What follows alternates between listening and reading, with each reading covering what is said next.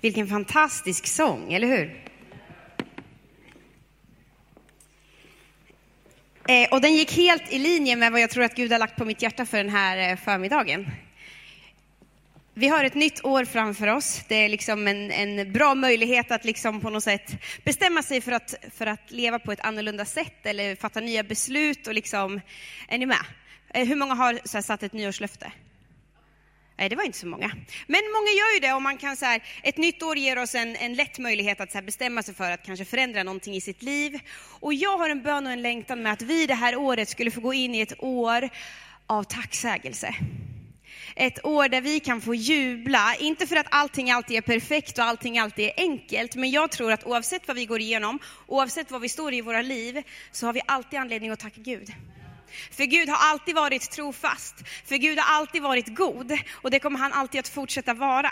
Och det skulle jag vilja prata lite om den här förmiddagen, för jag tror att i vår identitet i att vi är kristna, så borde vi leva liv av tacksamhet. Det är någonting som hör till oss som folk. Liksom, I att vi är tacksamma människor, vi är glada människor för att Gud har gjort någonting i våra liv. Och det här tror jag vi ska få påminna oss om den här förmiddagen. Vi ska läsa tillsammans i psalm 150. Vi kan väl resa oss upp.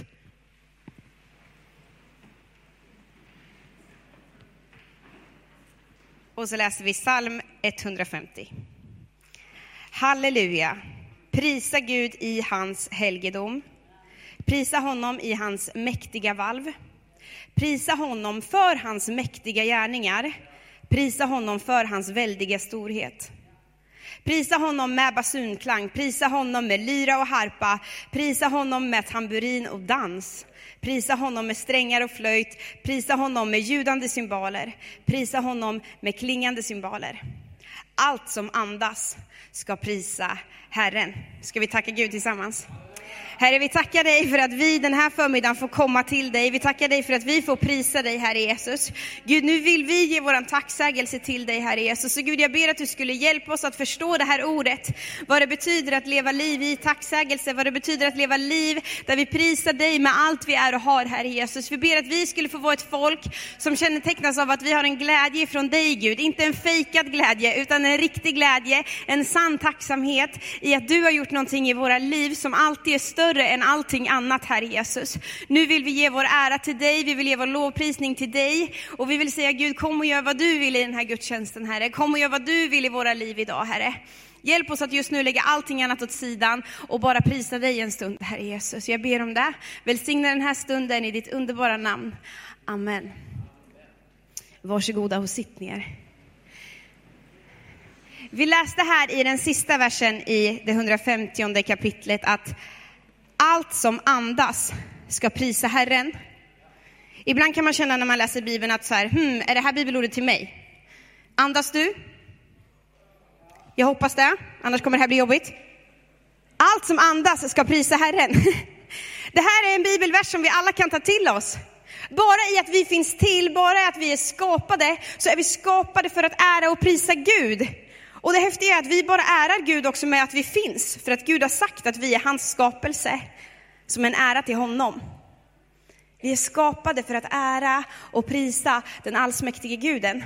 Då kan man ju fundera på, men vad betyder prisa? Jag använder inte det ordet så ofta i min vardag. Vad betyder ordet att prisa någon? Det här slog jag upp.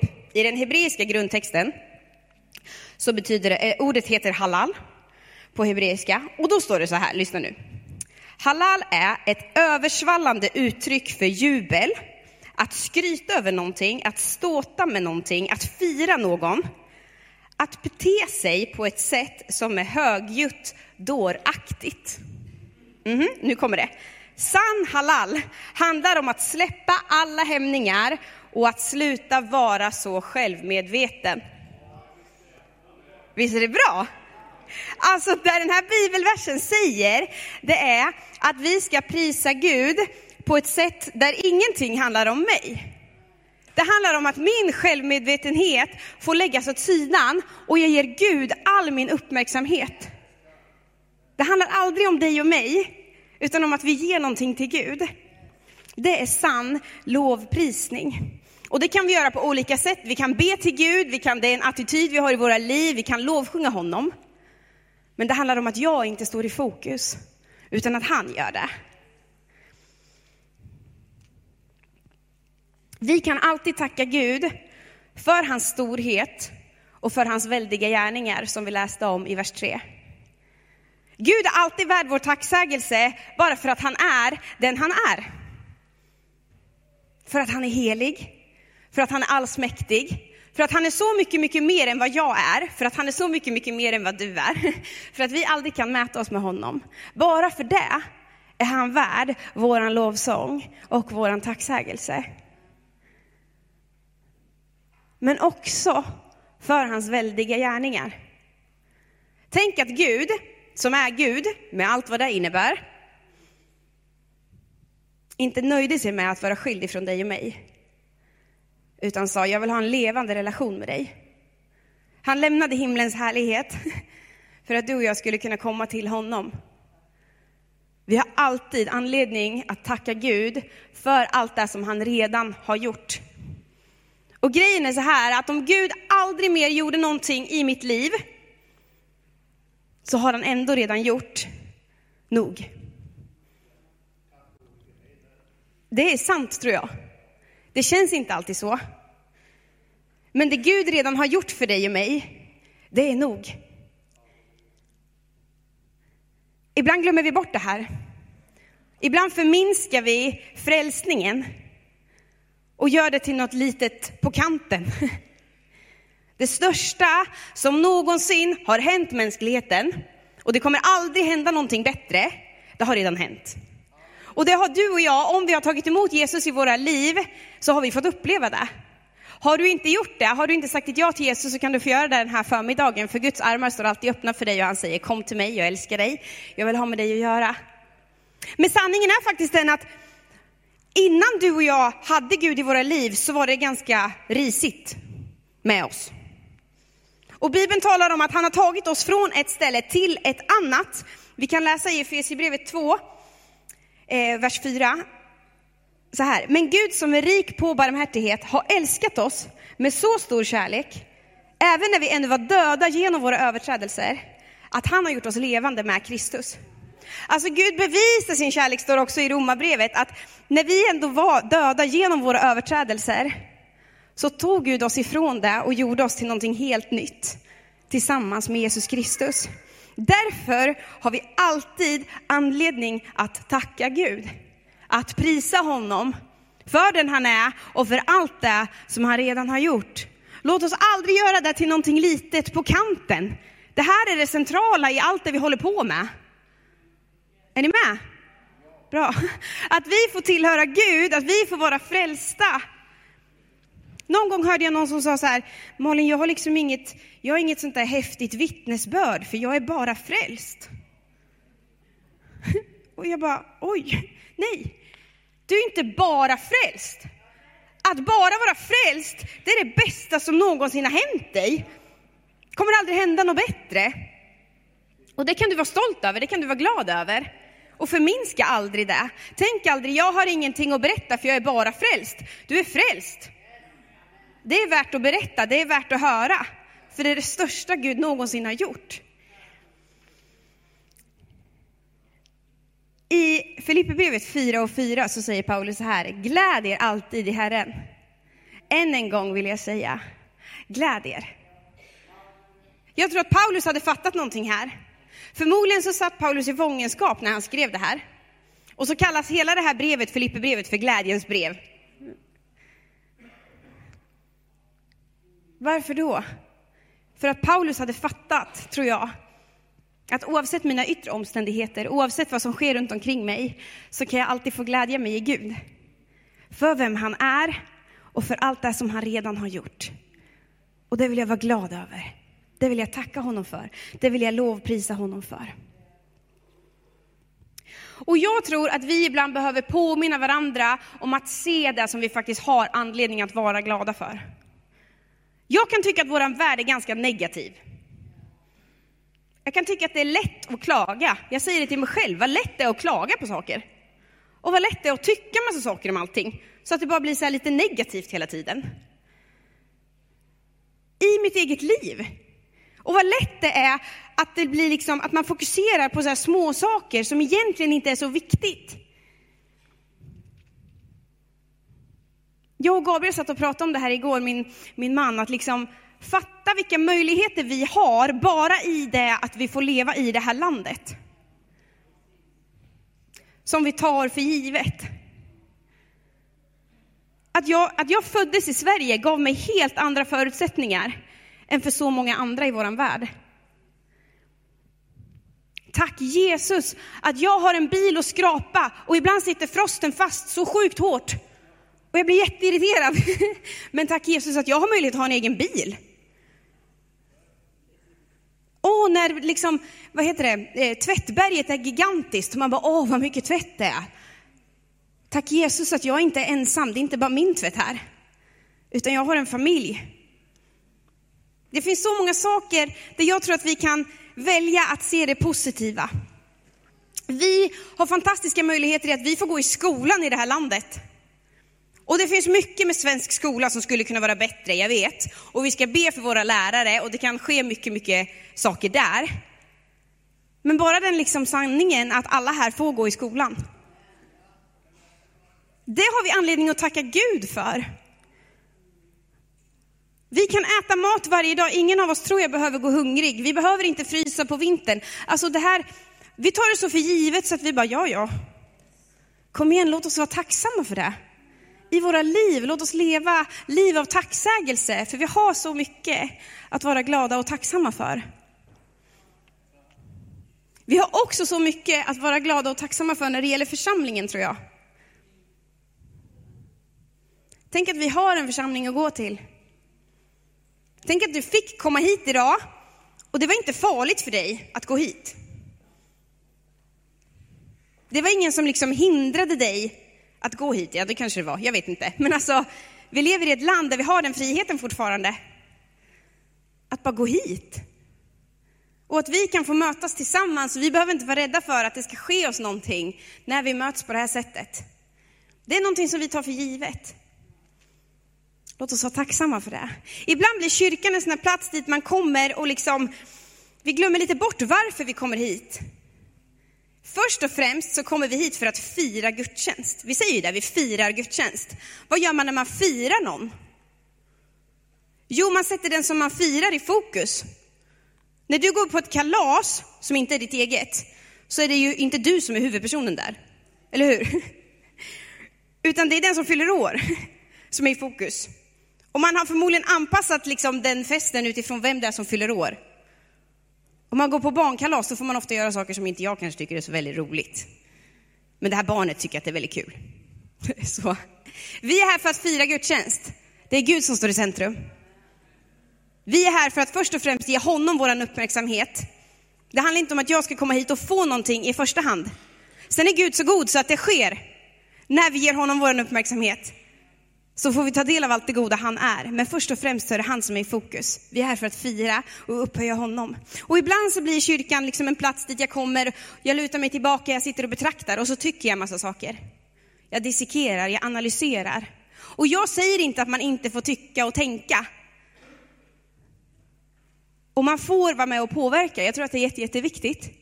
Man får vara med och säga saker, alltså om man tycker att någonting borde vara på ett annat sätt, då tycker jag man ska säga det. Men jag tycker man ska säga det till rätt person. Det här tror jag är jätte, jätteviktigt. Våga säga det till den som kanske har liksom ansvar för just den grejen som du tycker någonting om, som borde förändras. Har man åsikter om hur vi kanske arbetar som pastorer, låt oss få veta det. Jag vill veta det. Men prata inte bara runt om det. Jag tror inte det föder någonting gott. Det föder inte en positiv attityd av glädje och tacksamhet. Men vi ska ha en öppen och ärlig relation. Det är jätte, jätteviktigt. I, eh, så här är det, jag och min man, vi har typ aldrig bråkat. Eh, hepp, säger Kalle här. Nej men, och eh, det finns några olika anledningar till det. Vi har, alltså, vi har ju sårat varandra och vi behöver be om förlåtelse och sådär, men vi har liksom aldrig bråkat. Först och främst så är det för att jag är gift med världens snällaste man. Så är det faktiskt. Men sen är det också så här att vi har bestämt oss för att, så här, vi brukar säga så här, säger man ingenting så är det ingenting. Men är det någonting så säger man det. Var ni med? Är det ingenting? Nej, säger man ingenting, då är det ingenting. Men är det någonting så säger man någonting. Vilket gör att jag tror att vi har undvikit ganska många konflikter för att vi tar upp saker innan det behöver bli stora saker.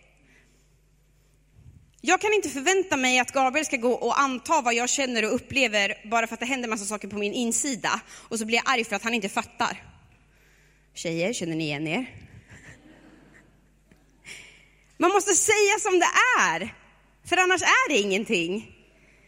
Men lite så här blir det i kyrkan också ibland. Vi kan, alltså ibland sårar vi varandra, vi är inte perfekta. Det händer saker ibland som vi behöver prata om, men vi säger inte någonting.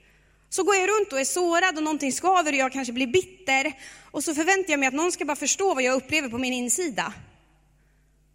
Våga säga det till någon istället. Våga ta tag i det där skavet. För det är svårt att vara glad och vara tacksam med någonting som skaver hela tiden. Om man har fått något så här litet skräp i ögat, det är svårt att bara tänk, tänka på något annat, eller hur?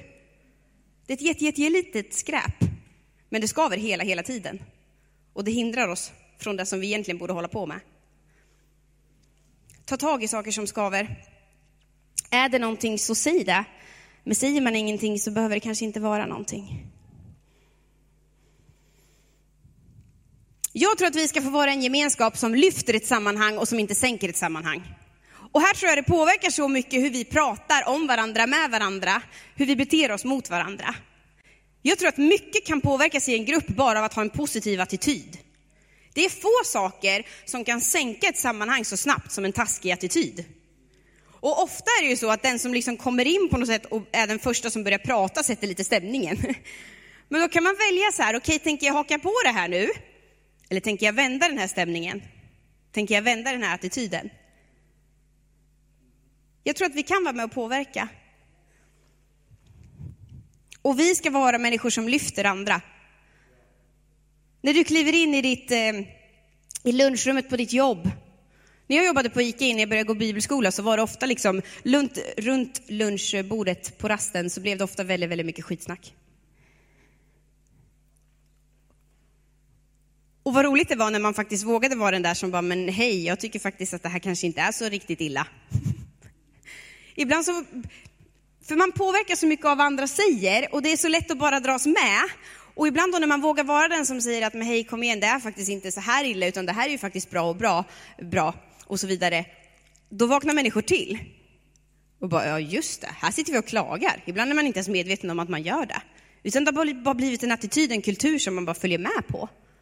Låt oss vara med och vända sådana sammanhang. För vi ska vara glädjens folk.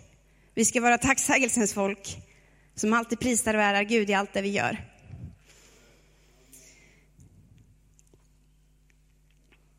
Bibeln är till och med så skarp så att den säger att vi kan lova, prisa och ära Gud och vara tacksamma mitt i livets alla svårigheter. I första Thessalonikerbrevet 5 och vers 16 så står det så här, var alltid glada. Be oavbrutet och tacka Gud under livets alla förhållanden. Tacka Gud i allt, står det i den nya översättningen. Det står ju inte så här, tacka Gud för livets alla förhållanden. Eller tacka Gud för allt. Det står tacka Gud i allt. Tacka Gud under livets alla förhållanden. Om du går igenom någonting väldigt, väldigt svårt och väldigt, väldigt tufft just nu så ska inte du tacka Gud för det. Men du kan trots det tacka Gud för att han är den han är för att han har gjort det han har gjort. Och jag tror till och med att det är så att när vi går igenom svåra och tuffa perioder i våra liv så är tacksägelsen viktigare än någonsin annars. Varför då? För att det står så här i Nehemja 8-10. 8-10. Glädje i Herren är vår starkhet. Glädje i Herren är vår starkhet. Det är lätt att lovsången, att tacksägelsen är det som tystnar när det blir svårt och tufft i våra liv. Och då tror jag att den är viktigare än någonsin. I Apostlagärningarna 16 så kan vi läsa om när två män, Paulus och Silas, sitter fängslade. De har blivit piskade precis innan, kan vi läsa om. Så sitter de där i en fängelsehåla och så sjunger de lovsånger till Gud. Jag tror inte att det var en känsla som bara kom över dem, där de bara, wow, nu bara känner jag för att lovsjunga Gud. Det tror inte jag. Jag tror att det var ett beslut. Ett medvetet beslut. Där man sitter i en svår, knivig, ganska risig situation. De visste förmodligen inte vad som ska hända imorgon. Vad ska vi göra nu? Vi ska lovsjunga Gud. Varför det? För att det är vår starkhet. Och då händer någonting fantastiskt. Det som händer när vi lovsjunger Gud, när vi riktar vår uppmärksamhet till honom, det är att han kommer med sin levande närvaro. Och då blir de fria. Det är inte lovsången i sig som gör att deras bojor faller av och de kan vandra ut ur fängelset, utan det är Guds närvaro i deras liv. När du och jag väljer att trots allting runt omkring rikta vår uppmärksamhet till honom, lovsjunga honom, tacka honom för den han är, för det han redan har gjort, då kommer hans närvaro och då kan vi trots allt det vi sitter fast i, allt det vi står i som kanske är jobbigt, ändå uppleva Guds frihet. Och uppleva glädje. För att det är så han funkar. För att han är så god i sin underbara nåd.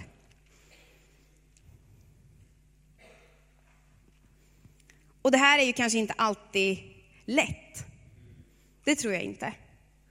Utan ibland är det verkligen någonting som man måste bestämma sig för. Och alla mina känslor kanske säger någonting helt annat. Och jag tror också att vi kan få hjälpa varandra på det här området. Ibland behöver vi hjälpa varandra att lovsjunga Gud, att tacka honom. I tredje Mosebok så kan vi, i tredje Mosebok 17 så kan vi läsa om när israeliterna skulle slåss, slåss emot amalkiterna. Och så står det att eh, Mose skickade ut liksom ett, ett gäng, Josua och några till, som skulle slåss mot amalekiterna. Och så sa han själv att jag kommer gå upp på berget och göra vad då? Jag kommer vara i Guds närvaro och jag kommer stå med lyfta händer till honom. Så länge som Mose stod på berget med upplyfta händer så vann Israel. Så gick det bra för dem. Och när han sänkte händerna så gick det bra för amalekiterna. Det jag tycker är så häftigt i den här berättelsen det är att det står att Mose stod där med lyfta händer och så blev han trött. Han orkade inte längre. Då kom Aron och Hur, två andra snubbar, och höll upp Moses armar. Det är församling.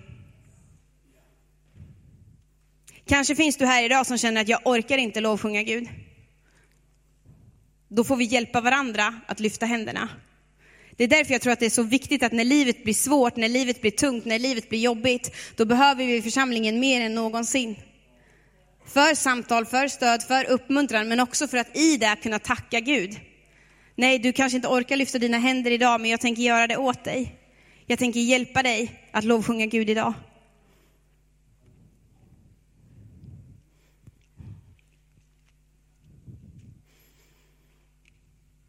Vi är skapta för att prisa och ära Gud. För att halalla honom, precis som jag läste i början. Sann halal handlar om att inte vara så självmedveten och att ge honom all uppmärksamhet. Att bete sig nästan dåraktigt.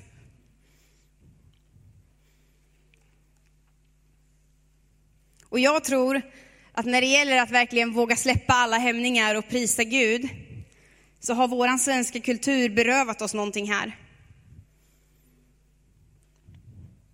Nej, men vi är svenskar, vi gör inte så. Men hörni, vi är kristna mer än vad vi är svenskar. Jag är så glad för att vi i den här församlingen har så många kulturer. Och jag vill säga att ni som kommer ifrån andra kulturer, ni har någonting att lära oss torra, stela svenskar här. Jag kommer ihåg första gången jag var här och firade gudstjänst med, det var väl här när jag typ provpredikade någon gång i maj för ett och ett halvt år sedan eller vad det var. Så står jag här framme och vi står och sjunger lovsång och så hör jag liksom det här ljudet som jag inte kan härma. Men som ni gör här uppe på läktaren ibland när vi lovsjunger Gud. Och jag bara, wow! Det här, alltså det är fantastiskt. Sluta aldrig göra det. Vi ska ära och prisa Gud.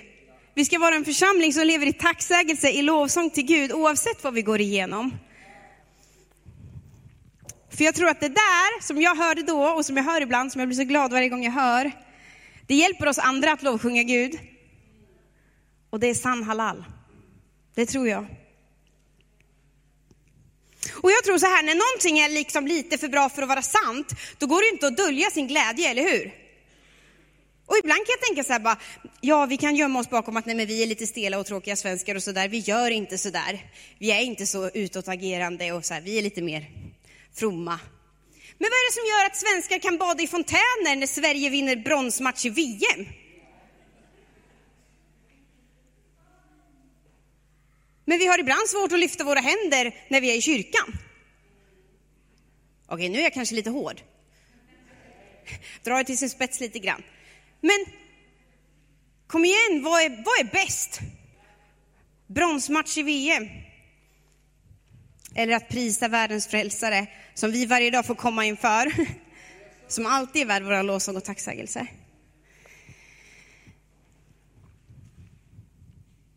Allt som andas ska prisa Herren.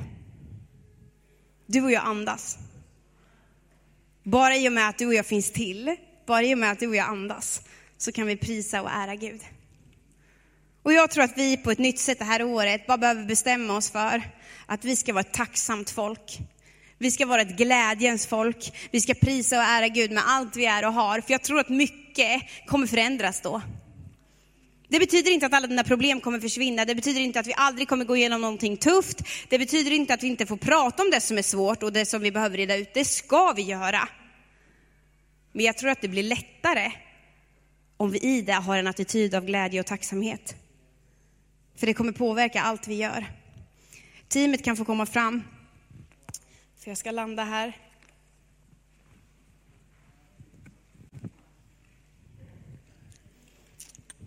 Gissa vad vi ska göra nu? Nu ska vi prisa Gud tillsammans.